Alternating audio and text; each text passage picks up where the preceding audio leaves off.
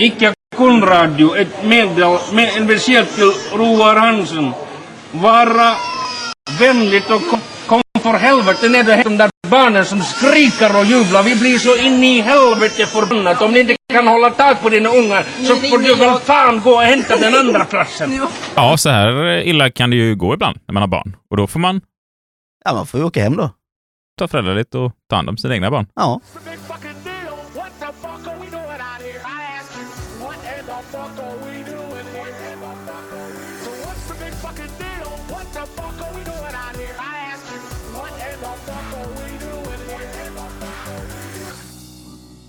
Du lyssnar på Fuck You Podcast, Sveriges mest lyssnade tvärfackliga podcast som handlar om dina rättigheter på jobbet. Och idag ska vi prata om, Föräldraledighetslagen. och även det här avsnittet kan jag tänka mig att det är en hel del nya lyssnare som kanske inte har lyssnat på podden innan eller bara lyssnat på något separat avsnitt om exempelvis gravida ammande afsen eller någonting. Mm. Så om vi ska liksom göra en lite snabb presentation. Vem är du Sebastian? Eh, Sebastian Borssén, eh, samverkanslärare på folkhögskola i Västsverige. För detta klubbordförande inom industrin. Lång erfarenhet av fackligt arbete, Före förhandlingar detta och... bilförsäljare. Före detta bilförsäljare också. Före detta pepparkaksutdelare på julmarknader i Haga. Bred eh, bakgrund kan man Ja. säga. Kan man lugnt säga. Du då? Mitt namn är Isak Ekblom. Jag är klubbordförande på en av Europas största företag på eftermarknaden för bilar och eh, ja, erfaren handledare inom arbetsrätt, arbetsmiljö och ledarskap. Och det är vi tillsammans med Jim Tellefsdal som brukar hålla den här podden Mm. när vi inte har massa gäster med oss i studion. Men idag, då är det du och jag, Sebbe. Det var länge sedan. Och vi är, båda två är föräldralediga just nu. Ja. Så det är ju, här är ju helt perfekt att vi idag ska prata. Om föräldraledighetslagen. Hur ska vi lägga upp dagens avsnitt? Ja, nej men det kommer vara tio rubriker så att säga som vi kommer fokusera på i det här avsnittet. Och det är vilka som omfattas av lagen, överenskommelse mellan arbetsgivare och arbetstagare, rätten till ledighet, hur man ska förlägga ledigheten, anmälan och beslut om ledigheten, återgång i arbete och när man vill komma tillbaka, förbud mot missgynnande behandling, särskilda bestämmelser om arbetstagare som väntar barn, nyligen fött barn eller ammar. Och även skadestånd rättegång kommer vi prata lite om. Och som vanligt så tycker jag att ni som lyssnar och inte har några fackliga förtroendeuppdrag själva och förhandlar de här frågorna, vänd er till er fackliga organisation efter att ni har lyssnat på avsnittet och diskutera med dem eh, hur ska jag göra på min arbetsplats och så, där, så att ni är samspelta. Mm. Ja, för det vi utgår från här är ju lagen, vad den säger, men ni får ju aldrig glömma att ni kan ha lokala överenskommelser på arbetsplatsen som kan vara mer fördelaktiga. Visst är det så. I vissa kollektivavtal så eh, kan man få ut massa ersättningar och grejer när man är föräldraledig utöver de man får från Försäkringskassan. Mm. Och Det är också en jätteviktig grej att kolla upp med ert fackförbund och ert kollektivavtal där ni jobbar. Vad har vi i vårt avtal? Vi kommer inte prata så mycket om ersättningarna från Försäkringskassan idag, utan det kommer vi spara till ett tillfälle där vi bjuder in någon expert på det. Som kan prata om socialförsäkringarna vi har. Ja. Mm. Vi hoppar direkt in i lagarna, men det är väldigt viktigt att påpeka också att lagar kan ju komma att förändras hela tiden. Innan ni egentligen går och hävdar efter någonting som ni hört i den här podden, så är det alltid bra att ni går in och kollar på riksdagen.se. Och där ser ni väl den dagsfärska lagstiftningen. Ja, precis. Riksdagen.se. Och här kan man ju tänka på att föräldraledighetslagen har det inte hänt supermycket med, men däremot socialförsäkringsbalken som reglerar pengarna man får när man är föräldraledig har det ju hänt väldigt mycket med senaste åren. Eh, Alliansen sänkte ju ersättningarna enormt mycket för den som ska vara föräldraledig. Man sänkte taket framför allt och sen skulle man göra en liten förenkling i uträkningen som de sa och då, då gick man från att få 80 procent av sin SGI till att få 97 procent av 80 procent av sin SGI Lättare. lättare. Föräldraledighetslagen 1995 kolon 584 paragraf 1 en arbetstagare har som förälder rätt till ledighet från sin anställning enligt denna lag. I vissa fall har även annan arbetstagare rätt till ledighet. Och det är ju, här pratar man om vilka som omfattas utav lagen då och lite med förälder så likställer man ju även vissa andra personer då. Alltså det är ju förälders make som sammanbor med eh, stadigvarande stadigvarandet då med föräldern, förälderns sambo, särskilt förordnad vårdnadshavare som har vård av barnet, eller även den som socialnämndens medgivande har tagit emot ett barn för stadigvarande vård och fostran i syfte att adoptera barnet, alltså blivande adoptivföräldrar. Och även den som har tagit emot ett, stadig, ett barn för stadigvarande vård och fostran i ett enskilt hem som inte tillhör någon av eh, barnets föräldrar eller någon annan som har vårdnaden för barnet, alltså ett familjehemsbarn. Det är de man omfattar i den här lagstiftningen då. Alltså en partner, man behöver alltså inte vara förälder biologiskt till barnet för att kunna omfattas av den här lagen. Och sen finns det även bestämmelser om förbud mot missgynnande av behandlingen av arbetssökande och arbetstagare i paragraf 16 som vi kommer in på senare. Mm. Men, det, men det är liksom paragraf 1 i sin helhet här. Det är vilka som omfattas av lagen. Och den här paragrafen talar om ja, men vem kan använda den här lagen. Paragraf 2. Överenskommelse mellan arbetsgivare och arbetstagare. Ett avtal som innebär att arbetstagarens rättigheter enligt denna lag inskränks är ogiltigt i den delen. Och då får man ju ta hänsyn till att här kan ju ändringar ske och det var det vi lite pratade om förut, att man får prata med sin lokala klubb eller sin avdelning, region eller vad man har för centralorganisation. För att avvikelse får göras om kollektivavtal då har slutits eller godkänts av central arbetstagarorganisation som ändrar eller förbättrar denna lagstiftning. Och då lyder paragrafen följande så här. Genom ett kollektivavtal som på arbetstagarsidan har slutits eller godkänts av en sådan central arbetstagarorganisation som avses i lagen 1976 580 om medbestämmande i arbetslivet får det dock göras avvikelser från lagen i fråga om anmälan om ledighet, 13 paragrafen, tiden för arbetstagarens underrättelse om återgång till arbetet, 15 paragrafen, andra stycket, den tid arbetsgivaren har rätt att skjuta upp arbetstagarens återgång till arbetet. 15 paragrafen, tredje stycket. Genom ett kollektivavtal som kommer till på detta sätt, som anges i andra stycket, får även bestämmas den närmare tillämpningen i fråga om ledighetens förläggning, 11 och 12 paragraferna, förbudet mot missgynnande behandling, 16 paragrafen. Arbetsgivare som är bundna av ett kollektivavtal enligt andra eller tredje stycket får tillämpa avtalet även på arbetstagare som inte tillhör den avtalsslutande arbetstagarorganisationen. Om arbetstagarna sysselsätts i ett arbete som avses med avtalet och inte omfattas av något annat tillämpligt kollektivavtal. Vad innebär nu det här på slutet här Sebastian? Ja, alltså att även om man är med i facket eller inte så kan arbetsgivaren tillämpa de reglerna som facket har gjort enligt denna lagen. Men då ska det ha förhandlats in i enlighet med medbestämmandelagen. Precis. För det kan ju vara så att man har andra regler av att ja, men det räcker att istället för att du ska säga en månad innan du ska tillbaka eller en vecka innan så kan man säga, ja, men du kan ringa imorgon och säga att du tänker komma in och jobba. Det är vi okej okay med. Återigen en sån här fråga där det är viktigt att man kollar med sitt fackförbund, sitt kollektivavtal, om de har förhandlat in någonting annat här. Rätten till ledighet. Översikt över de olika formerna av föräldraledighet för arbetstagare. Paragraf 3. Det finns följande sex former av föräldraledighet för vård av barn med mera. Och då har vi då första som är helledighet för kvinnligt arbetstagare i samband med hennes barns födelse och för amning. Och man ska ju alltid säga att det heter föräldraledig. Men det finns faktiskt någonting som heter mammaledighet och det är det här Och det regleras sen i paragraf 4. som vi kommer gå igenom strax. Det andra är hel ledighet för en förälder tills barnet blivit 18 månader, eller under förutsättning att föräldern då har hel föräldrapenning. För tid därefter, hel ledighet med eller utan föräldrapenning. Och det kommer regleras i paragraf 5. Sen har man ju trean då som är ledigheter för föräldrar i form av förkortning av normal arbetstid med tre fjärdedelar, hälften, en fjärdedel, en åttondel medan föräldern har tre fjärdedels, halv, en fjärdedels respektive en åttondels då föräldrapenning, alltså att man är delledighet med föräldra, föräldrapenning. Som är paragraf 6 som vi kommer prata om. Och nu har du dribblat upp mig på läktaren här, men det, det kommer vi gå igenom på paragraf 6. Jajamän. Nummer 4. Ledighet för en förälder i form av förkortning av normal arbetstid med upp till en fjärdedel, tills i huvudfallet barnet fyllt åtta år. Delledighet utan föräldrapenning. Och det kommer regleras i sjunde paragrafen.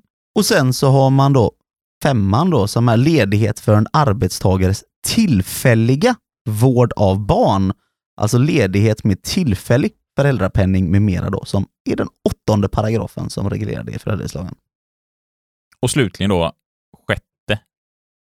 Ledighet för en förälder i form av förkortning av normal arbetstid med upp till en fjärdedel om det för barnet lämnas omvårdnadsbidrag. ledighet med omvårdnadsbidrag. Paragraf 9. Särskilda bestämmelser om ledighet och omplacering för kvinnliga arbetare som väntar barn, nyligen fött barn eller som ammar finns i 18 till 21 paragrafen. Och för dig då som kände dig lite bortdribblad av de här olika grejerna vi pratar om i, så kommer nu då vi gå igenom de respektive paragraferna som reglerar de olika sakerna. Så om vi börjar med paragraf 4, Isak. Mammaledighet. Paragraf 4. En kvinnlig arbetstagare har rätt till hel ledighet i samband med sitt barns födelse under en sammanhängande tid av minst sju veckor före den beräknade tidpunkten för förlossningen och sju veckor efter förlossningen. Om hon inte är ledig på annan grund ska två veckor av denna mammaledighet vara obligatoriska under tiden före eller efter förlossningen. Arbetstagaren har också rätt att vara ledig för att amma barnet. Mammaledighet behöver inte vara förenad med att föräldrapenning betalas ut. Vid ledighet för att amma barnet gäller inte 10 till 15 paragraferna. Det här reglerar ju då exempelvis på arbetsplatsen, så behöver det inte vara så att man vill ta ut föräldraledighet under en period, utan man kanske vill snabbt tillbaka och arbeta. De pratar ju lite om det om i AFSen, att arbetsgivaren ska bereda någonstans att kvinnan exempelvis ska kunna amma barnet, att då har man rätt till mammaledighet, att man har rätten att gå från sin arbete för att amma sitt barn exempelvis.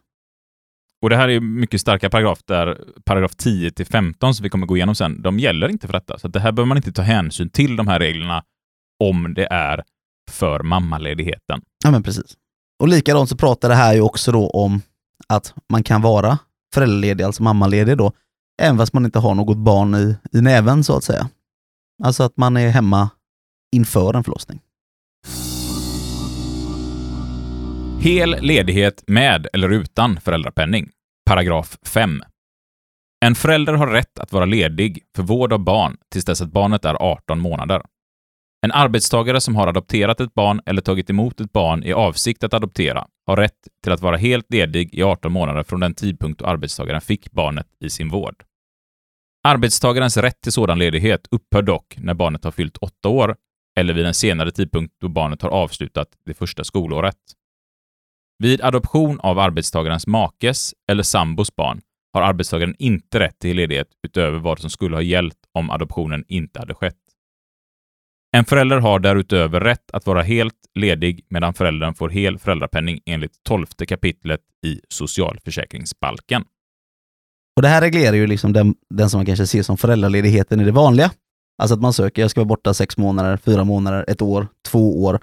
Man har rätt att vara ledig i 18 månader utan att ta ut egentligen en enda krona ifrån Försäkringskassan. Dock så efter 18 månader så behöver du ta ut hel föräldrapenning för att kunna fortsätta vara föräldraledig under den här perioden. Delledighet med föräldrapenning. Paragraf 6. Under den tid då en förälder får tre fjärdedels, halv, en fjärdedels eller en åttondels föräldrapenning enligt 12 kapitlet i socialförsäkringsbalken har föräldern rätt till förkortning av normal arbetstid med tre fjärdedelar, hälften, en fjärdedel respektive en åttondel. Alltså att man kan vara delledig med föräldrapenning. Alltså man kan ju dela upp sin tid som man väljer att ta ut sin föräldraledighet. Det kan vara så att förskolan inte funkar eller någon annan omvårdnad inte funkar, att man väljer att ta ut, jag vill bara jobba 60 procent. Ja, eller bara som, som vi har gjort här med våra barn faktiskt, att man, vi vill vara hemma lite längre med våra barn. Så kan man korta ner det. Och då tar man ut det motsvarande då i föräldraledighet med föräldrapenning då. Delledighet utan föräldrapenning. Paragraf 7. En förälder har rätt till förkortning av normal arbetstid med upp till en fjärdedel för vård av ett barn som inte har fyllt åtta år eller som är äldre än så men ännu inte avslutat sitt första skolår. Ledighet med tillfällig föräldrapenning med mera kan vara så att man behöver gå ner utan att ha någon mer tid. Då kan man gå upp till 25 procent då alltså, eller en fjärdedel eh, ner i tid. Kan vara varje dag. kan vara så exempelvis, jag sökte en förskola utan att kolla upp eh, vad tiden var. Jag började 10 i 7, förskolan öppnade 7. Ja, då var man ju tvungen att hitta någon lösning på det. Då valde jag att gå ner i tid exempelvis för att kunna lämna min son på förskolan. Paragraf 8. En arbetstagare har rätt till ledighet under den tid då han eller hon Får tillfällig föräldrapenning enligt 13 kapitlet socialförsäkringsbalken. 2. Skulle haft rätt till tillfällig föräldrapenning enligt 13 kapitlet 10 till 31 paragrafen 31e och 31f. Samma balk om arbetstagare inte omfattas av bestämmelsen i 37 kapitlet tredje balken. Eller 3. Skulle haft rätt till tillfällig föräldrapenning enligt 13 kapitlet 8 eller 9 paragrafen samma balk. Om barnets föräldrar inte omfattas av bestämmelsen i 37 kapitlet tredje balken. En förälder som behöver vårda sitt barn när den ordinarie vårdaren blivit sjuk eller smittad har rätt till ledighet även om föräldern inte har rätt till tillfällig föräldrapenning på grund av att 1. Barnet är yngre än 240 dagar eller 2. Barnet är yngre än 240 dagar och föräldern omfattas av bestämmelserna i 37 kapitlet 3 paragrafen socialförsäkringsbalken. Paragraf 8 är ju vab förkortat. Det är den som reglerar vabben. Man har rätt att ta ledigt och den kan man ju inte ansöka om som vi kommer prata lite om senare, hur man ska söka. Det går inte riktigt att, ja du här i maj den 25 då kommer min son vara magsjuk. Så därför behöver jag ta ut ledighet. Utan den här reglerar egentligen att man har rätt till att ta ut tillfällig föräldrapenning då från socialförsäkringar. Men också att man har rätten till den ledigheten, för det är ju två olika saker. Ledighet är inte alltid förknippat med att man får pengar för det man gör. Är det så att den föräldern som kanske är hemma på föräldraledighet skulle bli sjuk, då har man också rätt att ta ut vård av barn för sitt barn, trots att en annan person är hemma, regleras också i den här lagen. Att två personer kan vara hemma och vårda, egentligen. Den ena vårdar barnet, den andra vårdar sig själv. Och utan att få in allt för djupt i det så kan man även ha möjlighet till detta i dagens läge om man har flera barn hemma samtidigt och man, inte, man ska ta med ett barn till sjukvården exempelvis och de inte tar emot fler än en vårdnadshavare dit. Alltså man får inte ha med syskonen dit. Då kan man också ha rätt till detta. Men det regleras ju i Ja, socialförsäkringsbalken. men det- exempelvis, nu när det varit pandemitider så har jag varit med om att eh, min sons förra förskola, all personal sjuk. Då fick man ta vård av barn. Och man, man kan tänka lite så här att de här låter så komplicerade, de här paragraferna, för att de talar om enligt 13 paragrafen 1031. Men det, det är ju i socialförsäkringsbalken som det regleras. Eh, Det kan ibland vara nya grejer som kommer in och lite sådär, så att det är därför det står så här i den här lagen. Och det, där kanske man ibland behöver titta i socialförsäkringsbalken. Hur ser det ut just nu? Ja, alltså det här är ju två separata grejer man alltid måste tänka på. Det ena är den ersättningen du vill ha. Det hittar du i socialförsäkringsbalken. Det här vi pratar om nu, det vi pratar om den ledigheten du har rätt till. Ledighet med omvårdnadsbidrag. Paragraf 9. En förälder har rätt till förkortning av normal arbetstid, men upp till en fjärdedel, om det för barnet lämnas omvårdnadsbidrag enligt 22 kapitlet socialförsäkringsbalken. Här är ju mera kopplat till om man får vårdnadsbidrag för barnet. Men där kan det även finnas andra regleringar, exempelvis i andra lagar, där man pratar om exempelvis att du kan få vård av barn resterande tiden eller en annan del av tiden upp till hälften av din totala föräldraledighet. Så att, men det här reglerar bara vårdnadsbidragsledigheten egentligen. Ledighetens förläggning. Antalet ledighetsperioder. Paragraf 10. Ledighet får delas upp på högst tre perioder för varje kalenderår. Om en ledighetsperiod löper över ett årsskifte ska den anses höra till det kalenderår då ledigheten påbörjades. Trots denna begränsning får en ledighet delas upp när det gäller antingen ledighet med tillfällig föräldrapenning med mera, enligt åttonde paragrafen eller ledighet med föräldrapenning enligt 12 kapitlet 5a till 7a socialförsäkringsbalken. Återigen, det här är en sån punkt som, som också är oerhört viktig att ni kollar lokalt på arbetsplatsen vad gäller här innan ni söker. För rent tekniskt sett så pratar man om att du har tre perioder du kan ta föräldraledighet på ett kalenderår. Och en period är egentligen ett tillfälle som du söker på. En period då kan vara, jag söker 21 januari, jag söker 21 februari, jag söker 21 mars. Tre tillfällen, då har jag egentligen bränt all möjlighet till föräldraledighet för resten av året. För det är tre perioder. Det man ska göra när man söker föräldraledighet är att söka på längre tid. Alltså om du på en ansökan söker för en period som är då bara tre datum, 21 januari, 21 februari, 21 mars, då är det en period bara. Det här är vad lagen säger då. Sen kan det skilja sig lokalt. Men det här är en sån grej som när jag var klubbordförande på min arbetsplats, många ofta åkte dit på, för vi hade en ganska stygg arbetsgivare kan man väl säga, som inte tog hänsyn till att folk inte visste om periodfördelningen. Och då sökte man, ja ah, jag behöver ta vårda barn den här fredagen, jag behöver ta, eller jag behöver vara föräldraledig den här fredagen, jag behöver ta föräldraledigt den här torsdag, fredagen och, och sen så kom sommaren så ville man ha en vecka och sen så, ja nu är det, nu är det höst. Då behöver man ta föräldraledigt igen. Nej, då har de sökt den här tre perioder. Därför är det så väldigt viktigt att ni pratar med era kollegor om ni vet att någon ska bli föräldraledig. Tänk nu på att söka i perioder. Men, som den också säger då, hur man ska räkna med perioderna. Om, man, om du söker en viss tid, alltså om jag söker november, december, januari, februari ett år, då är det att räknas till året innan, även när jag är i februari. Du har inte bränt en period när jag är på föräldraledigt i februari. För att den anses tillhöra året innan. Hur ledigheten får tas ut vid hel ledighet. Paragraf 11. Arbetstagaren får ta ut hel ledighet den eller de dagar som arbetstagaren begär. Du har rätten att ta ut hela dagen om du begär det. Arbetsgivaren kan inte komma och säga Ja du, där i januari, skulle det funka om du tog ut en halv dag? Det är klart de får fråga. Ja, det skulle funka, men jag vill ha en hel dag. Ja, och för att vara övertydlig, de får fråga på trevligaste, artigaste vis. Ja. Det får absolut inte vara så att man frågar och förväntar sig att ni ska Ja. lyssna på dem. För du har Utan- rätten till de dagarna. Och om man på något sätt låter som att man bestraffar en arbetstagare för detta, då är man ute på väldigt hal is som arbetsgivare. Hur ledighet får tas ut vid förkortad arbetstid. Paragraf 12. Vid förkortning av arbetstid får ledighet spridas över arbetsveckans samtliga dagar eller förläggas till viss eller vissa av arbetsveckans dagar.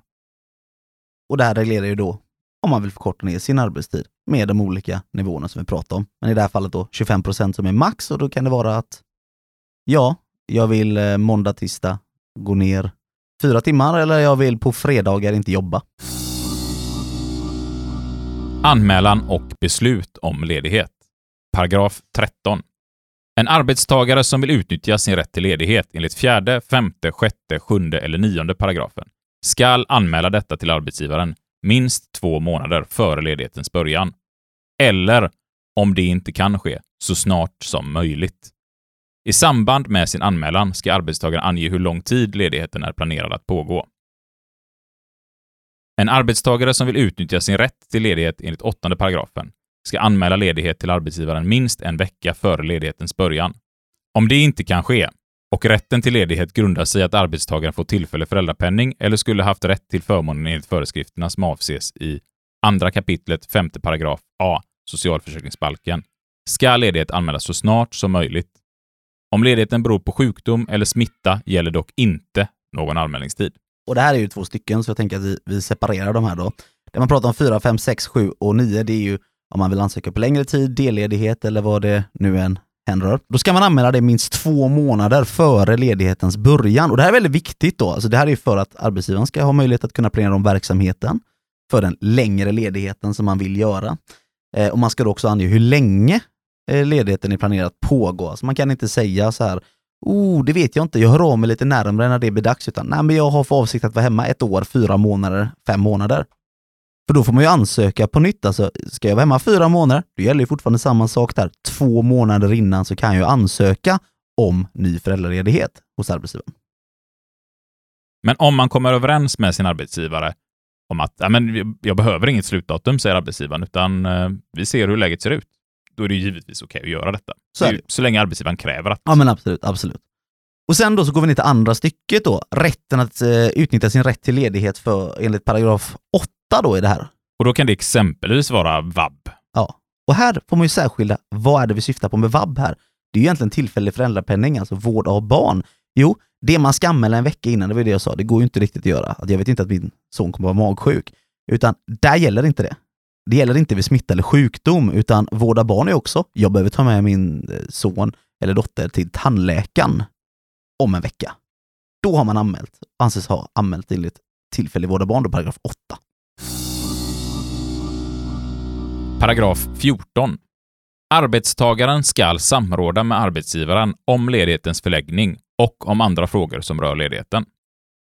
Om det kan göras utan olägenhet för arbetstagaren ska denna lägga ledigheten som avses i 11 paragrafen så att verksamheten hos arbetsgivaren kan fortgå utan påtaglig störning. Kan överenskommelse inte träffas om hur ledigheten ska tas ut vid förkortad arbetstid skall arbetsgivaren förlägga ledigheten i enlighet med arbetstagarens önskemål. Om en sådan förläggning inte medför påtaglig störning i arbetsgivarens verksamhet. Arbetsgivaren får inte utan arbetstagarens samtycke förlägga ledigheten på annat sätt än att sprida den över arbetsveckans samtliga dagar. Dela upp ledigheten under arbetsdagen eller förlägga den till någon annan tid än arbetsdagens början eller slut. Har ett beslut i sådan fråga som avses i andra stycket träffats på annat sätt än enligt arbetstagarens önskemål, skall arbetsgivaren underrätta arbetstagaren och arbetstagarens lokala arbetstagarorganisation om beslutet. Detta skall om möjligt göras senast två veckor före ledighetens början. Det här är ju tre stycken då, och då får man väl egentligen bryta ner det då. Första stycket handlar egentligen om samrådet då, om ledighetens förläggning. Och alla andra frågor som rör ledigheten ska göras tillsammans med arbetsgivaren. Alltså jag har för avsikt att vara borta nu ett år. Hur ser du på det? Jag har de här datumen tilltänkta, den här perioden, eller vad man nu vill säga. Och det är ju den som, som är helledigheten som man pratar om nu. Det här är inte, det här, just den här reglerar inte bara paragrafen, den reglerar bara paragraf 11, det som är helledighet. Och sen då när man tar andra stycket då, om man inte kan träffa någon överenskommelse med arbetsgivaren hur det ska tas ut vid förkortad arbetstid, så säger den fortfarande att arbetsgivaren ska förlägga ledigheten i enlighet med arbetstagarens önskemål. Alltså.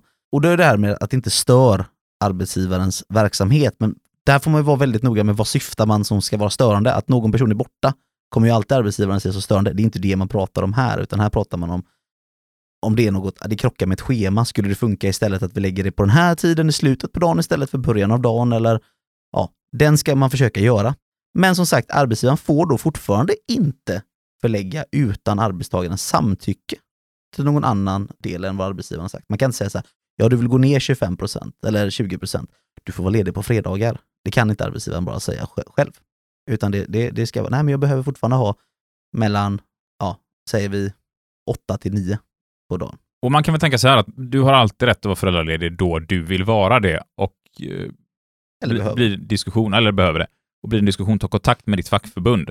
Däremot så är man skyldig också, får man tänka på, att faktiskt lyssna på vad arbetsgivaren har att komma med, precis som arbetsgivaren många gånger är skyldiga på att lyssna på vad vi har att komma med. Mm. Så det är ju återigen det här svenska modellen, att vi, vi ska prata, vi ska förhandla om frågor på arbetsplatsen och vi är skyldiga att lyssna på varandra. Så man kan inte bara gå in och säga så här, här ska jag vara ledig, jag Mm. skiter i vad du säger. Mm. Utan nej, man är faktiskt skyldig på att lyssna på vad arbetsgivaren säger här. Så får man ju lite se, jaha, kan jag anpassa min föräldraledighet efter detta? Nej, men det kan jag inte. Och då, då har du ändå rätten på din sida. Och sen då, om det skulle vara så att arbetsgivaren så fattar ett sånt där beslut, eh, som avses då i andra stycket, det här med ledighetens förläggning vid deltid, så ska man underrätta arbetstagaren och den lokala arbetstagarorganisationen, alltså facket lokalt, om beslutet.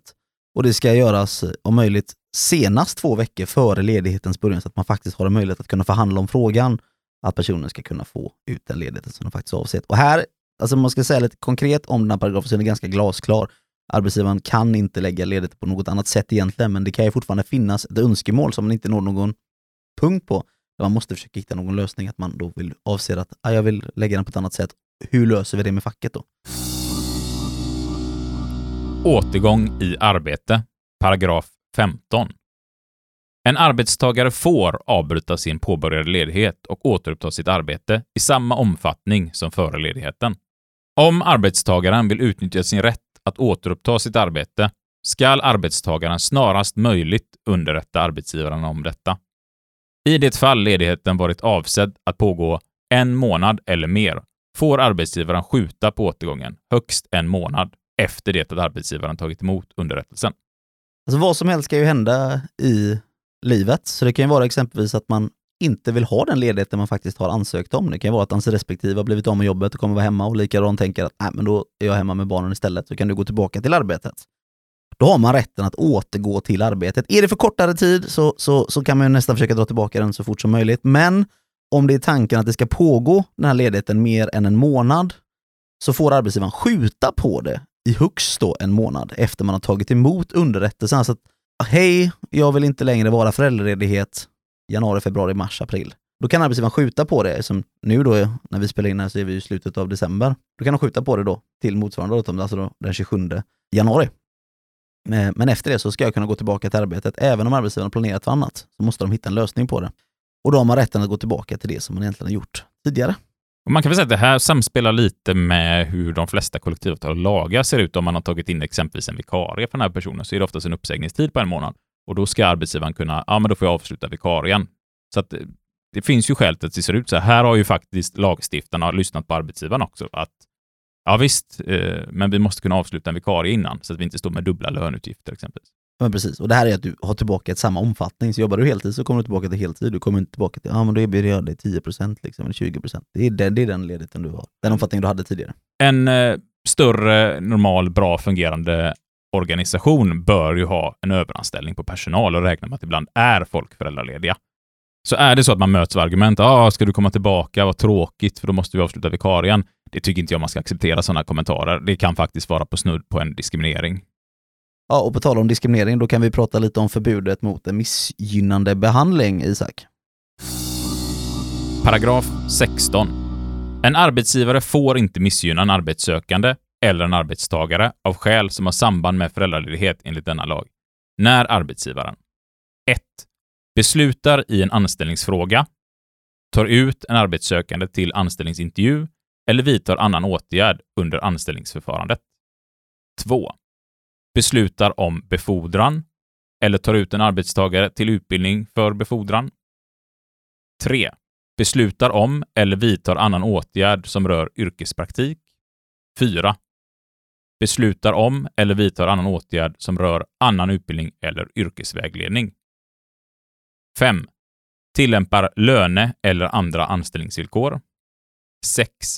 Leder och fördelar arbetet. Eller 7. Säger upp, avskedar, permitterar eller vidtar annan ingripande åtgärd mot en arbetstagare. Förbudet gäller dock inte om olika villkor eller olika behandling är en nödvändig följd av ledigheten. Väldigt starkt skrivet egentligen. Alltså man, man får inte diskriminera någon när de kommer höggravida på en anställningsintervju exempelvis, är reglerad här. Eller om någon säger ja, jag har för avsikt att ta ut föräldraledighet här om ett år. Då kan man inte säga ja, det var ju synd, vi kan tyvärr inte anställa dig på grund av detta. Likadant här så, så får man inte diskriminera någon som meddelar heller att de ska gå på föräldraledighet och så säger man ja men då får inte du gå på den här kursen för det är inte viktigt, du kommer ju ändå så vara hemma under en lång period.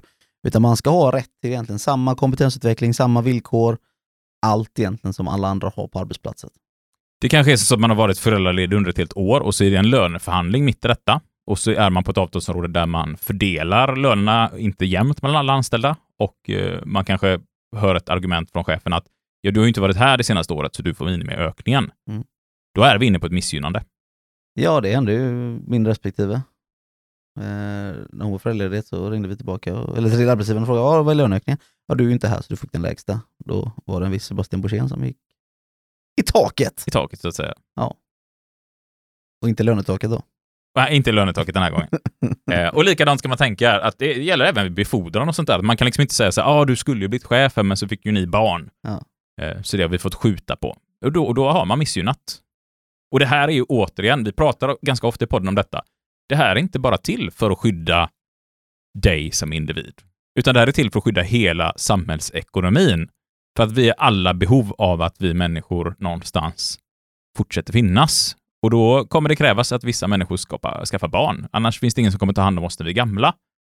Och skulle hela svenska befolkningen, eller hela världens befolkning, tänka så här, äh, men jag skaffar inga barn, för gör jag det så får jag lägre lön, jag kan inte bli befordrad, jag kan inte få samma utbildningar inom företaget, jag blir sämre behandlad. Ja, då kommer det vara tufft för oss när vi fyller 90 och ska bo på ålderdomshemmet.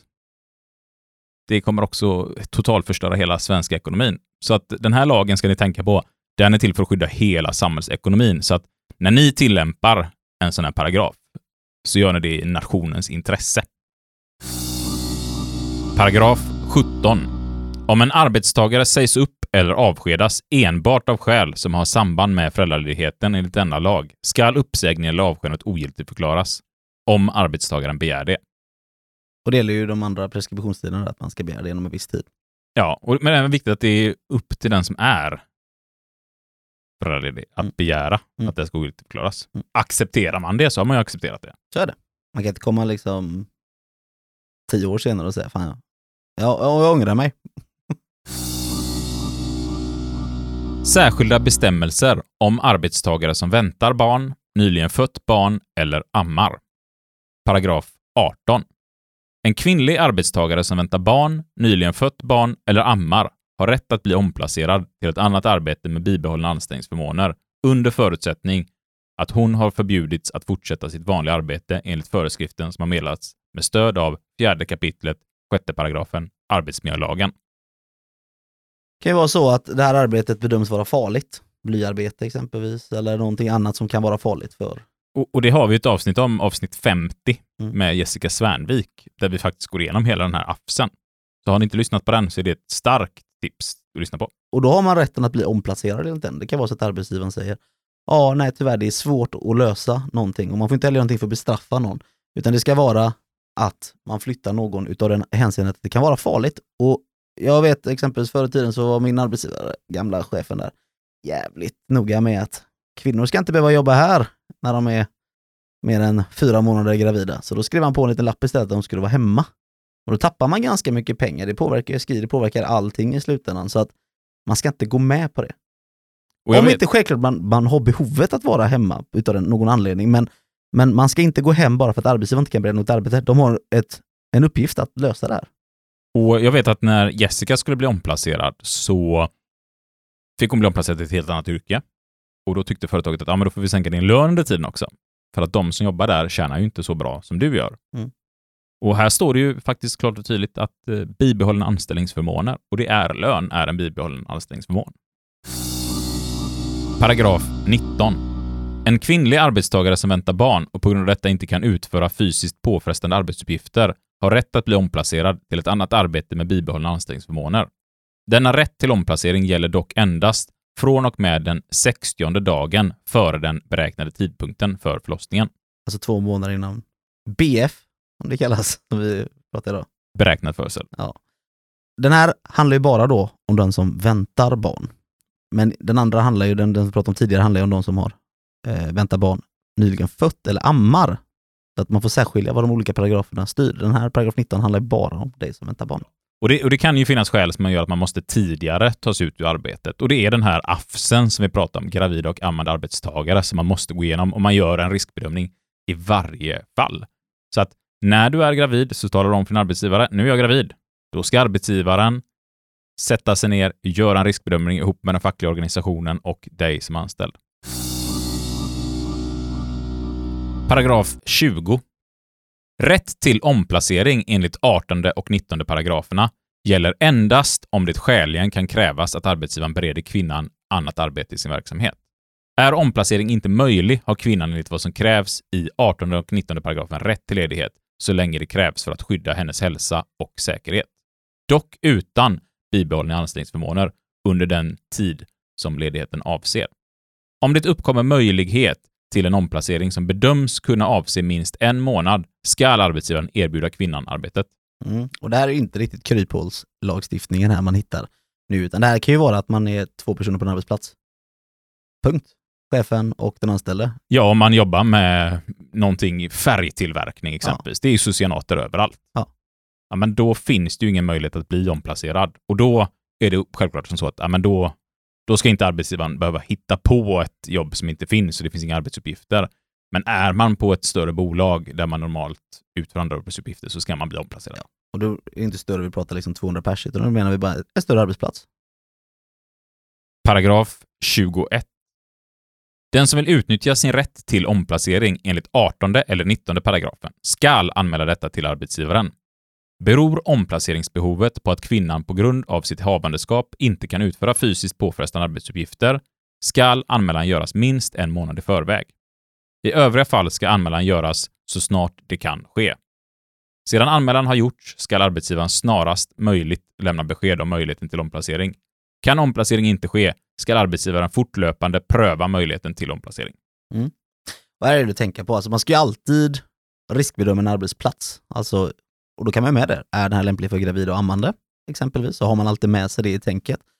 Eh, för att man inte alltid ska behöva hävda sin rätt till omplacering. Utan, men annars om det är så att man jobbar på, ja vi säger att man har vissa tunga lyft exempelvis i sin arbetssituation. Det är inte möjligt för mig att göra det här just nu. då kan jag säga till arbetsgivaren, jag har väldigt svårt med att göra det här. Går det att någon annan gör de uppgifterna eller kan någon annan? Alltså man ska hela tiden kolla möjligheterna till det då på att ja, göra det så underlättat som möjligt för den, den havande. Eh, är det så att man hittar inte en omplaceringsmöjlighet, så är det inte så att nej, jag kollade, det gick inte att lösa, utan man ska alltid pröva möjligheten till omplacering. Att, ah, vi har ju det här extra projektet som ändå så behövs göra, kan den personen göra det? Eller vi har detta som behövs fixas. Man kan inte bara säga, nej, det, vi kollade, det fanns ingen möjlighet, utan det ska kanske på en veckobasis, dagsbasis. Ja, och är det så att det är liksom farliga kemikalier man jobbar med och så helt plötsligt så kommer det en ny produkt där man byter ut de här farliga kemikalierna till ofarliga kemikalier. Ja, men då är det ju, bam, samma sekund bara ringa och säga att ja, men nu kan du komma tillbaka till jobbet. Så det här är en del av det systematiska arbetsmiljöarbetet som vi också har ett avsnitt om. SAM-avsnittet. Paragraf 22. Skadestånd. En arbetsgivare som bryter mot denna lag ska betala skadestånd för den förlust som uppkommer och för den kränkning som har inträffat. Om det är skäligt kan skadeståndet sättas ned eller helt falla bort. Ja, Jag vet inte vad som inte skulle vara skäligt, då har man ju inte drivit frågan från första början egentligen. Rättegång, paragraf 23. Mål om tillämpningen av denna lag handläggs enligt lagen 1974 371 om rättegången i arbetstvister. Sen är det en hel del i den här paragrafen som handlar om om man för talan med anledning av uppsägning eller avskedande som hänvisar bland annat till medbestämmandelagen. Mm. Det, det kan man läsa själva. Det här är ju inte en fråga man normalt sitter med, utan det gör ju ofta våra fackförbund om det har gått så långt det blir en central förhandling. Mm. Bevisbörda, paragraf 24. Om en arbetssökande eller arbetstagare visar omständigheter som ger anledning att anta att han eller hon har blivit missgynnad av skäl som har samband med föräldraledighet, är det arbetsgivaren som ska visa att det inte har förekommit något sådant missgynnande, eller att missgynnandet är en nödvändig följd av föräldraledigheten. Här är det arbetsgivaren som har skyldighet att visa att det har inte på något sätt skett något missgynnande. Därför är det väldigt viktigt att man har, alltså jag brukar säga att sådana här grejer är väldigt tydliga eh, exempel man kan visa för en arbetsgivare, för det är bra att man kartlägger och har vissa sådana här MBL-frågor inför anställningar, och vilka kriterier man söker tjänster. Att man får sådana här grejer med redan innan man beslutat sig för att vi ska anställa tre personer, de heter Tom, Elisa och Kerstin. Rätt att föra talan. Paragraf 25. I en tvist enligt 16 eller 17 paragrafen får diskrimineringsombudsmannen föra talan för en enskild arbetstagare eller arbetssökande. Talan förs vid Arbetsdomstolen. När en arbetstagarorganisation har rätt att föra talan för den enskilde enligt 4 kapitlet 5 paragrafen lagen om rättegång i arbetstvister får dock ombudsmannen föra talan bara om organisationen inte gör det. Talan som förs av diskrimineringsombudsmannen behandlas som om talan hade förts på egna vägar av arbetstagaren eller den arbetssökande. Bestämmelserna i lagen om rättegång i arbetstvister och den enskildes ställning i rättegången ska tillämpas också när ombudsmannen för talan. Ja, här är det alltså att om man är medlem i en fackför, fackförbund och eh, de säger att det här kan vi inte vinna, så kan man fortfarande driva det här via diskrimineringsombudsmannen istället då. Och då hänvisar det här till att diskrimineringsombudsmannen har rätt att göra det här i Arbetsdomstolen åt arbetstagarens vägnar. Likadant så gäller ju lagen också om man inte är medlem och då får man hänvisas till diskrimineringsombudsmannen som kan driva frågan. Men det här var lagen i sin helhet. Vi har gått igenom alla 25 paragrafer i lagen här. Och som ni hör, som vanligt i lagarna, så hänvisar de lite fram och tillbaka till varandra. Så har du inte lyssnat på alla andra de här avsnitten som vi pratar om hela tiden, så kan vi starkt rekommendera att ni lyssnar på Gravid och ammande AFSen, Systematisk arbetsmiljö, något jag tycker är bra att använda i lägre, det är också diskrimineringslagen Mm. och psykosocial arbetsmiljö. Det blev det massa avsnitt här. Eh, Men det hänger väldigt mycket ihop med detta och saker och ting som är viktigt att tänka på. Det är ju lite så att lagarna går ju lite i varandra ibland. Många hänvisar exempelvis som rättegången här, paragrafen, handlar ju väldigt mycket om andra lagar. Eh, någonting som jag ändå så tycker vi ska bryta ut lite så, som man ändå så lägger fokus på här i slutet, så att, för det har varit mycket information nu när man har lyssnat. Det är ju det här exempelvis med de tre perioderna. Glöm verkligen inte det. Det är tre perioder per kalenderår där man ansöker om föräldraledighet. Och där kan ju perioden vara både kort och lång. Det kan vara en dag, det kan vara flera dagar vid, under en längre period. Men det är alltså det som man säger i ansökanslappen eller hur ni jobbar. Är det ett mail man skickar till sin chef eller skriver man det på en fysisk lapp? Hur gör ni med ledighetsansökningar? Varje gång du lägger en sån så räknas det som en period. så länge inget annat är avtalat på din arbetsplats. Men givetvis, sätt er ner med en arbetsgivare stäm av läget. Ni kanske har en organisation där ni kan höras av en gång i månaden och stämma av. Hur ser det ut nästa vecka? Ah, men jag kommer inte in, jag kommer in och sådär. Och eh, ta kontakt också med ert fackförbund och titta på det här med ja, men vad är det för ersättningar som ligger i vårt kollektivavtal? Får jag in någon tjänstepension under tiden jag är föräldraledig? Mm. Eller får jag inte det? Eller måste jag söka om den själv? För, för en hel del av LO-arbetarna exempelvis så finns det ju en försäkring på AFA, ett Mm. föräldrapenningtillägg, som man själv behöver gå in och anmäla. Ja, det kan vi ju säga lite som en passus här som vi kommer prata mer om i ett framtida avsnitt egentligen, men ifall du som lyssnar nu skaffar barn väldigt nyligen och vi inte hunnit spela in det så kan det vara väldigt bra att påpeka det. Försäkringen gäller 18 månader, AFA-försäkring. Där betalar de in tjänstepension. De ger också ett litet tillägg på pengen. Nu är det så att många eh, tjänstemän och vissa LO-arbetare och akademiker, de får ju det betalt av sin arbetsgivare istället. De får 10% oftast. Men tänk på det, gå in, ansök från barnets födelsedag, alltså där de, den föddes det här datumet och bara ta 18 månader fram så vet ni att har det skyddet på AFA-försäkringens hemsida. Kan bara vara en bra litet knep att tänka på. När ska man ansöka senast för att gå på föräldraledigt? Två månader innan, om det är möjligt, får vi väl tillägga då. Och det kan ju faktiskt dyka upp saker som gör att det inte har varit möjlighet att, att söka tidigare. Och det är därför väldigt mycket i föräldraledighetslagen just säger det här att eller så fort det är möjligt. För det är likadant där. Man kan ju vara gravid utan att veta om det. Och så inser man det ganska sent i graviditeten. Och då är det inte som så att ah, det här skulle du ha varit här för tre månader sedan och sagt till om. Utan nej, men det är då så fort man har möjligheten att tala om att nu behöver jag vara ledig. Ja, det hände ju min sambos kompis. Hon märkte att hon var gravid. Typ, eller hon märkte inte rätt sagt att hon var gravid, men helt plötsligt så hade hon ont i magen och gick till läkaren och de bara, ja du är gravid och du har också havandeskapsförgiftning så du, ja, du har två veckor på dig, sen har du barnet här. Då går det inte att göra det exempelvis. Gäller det kortare ledighet, alltså säga tillfällig föräldraledighet, alltså vård av barn, så kan man ju söka det då en vecka innan. Eller så tidigt självklart som man vet, det vill säga jag ska ta med mitt barn till ett läkarbesök eller tandläkaren. Är det sjukdom eller annan smittsprida så är det ju självklart inte möjligt att göra det, så då gäller det att man gör det så fort som det bara går. Är det okej för en arbetsgivare att eh, ifrågasätta hur ni i familjen lägger upp er vab och sådana grejer? I sin egen eh, hjärna, absolut, men nej, det får man inte göra.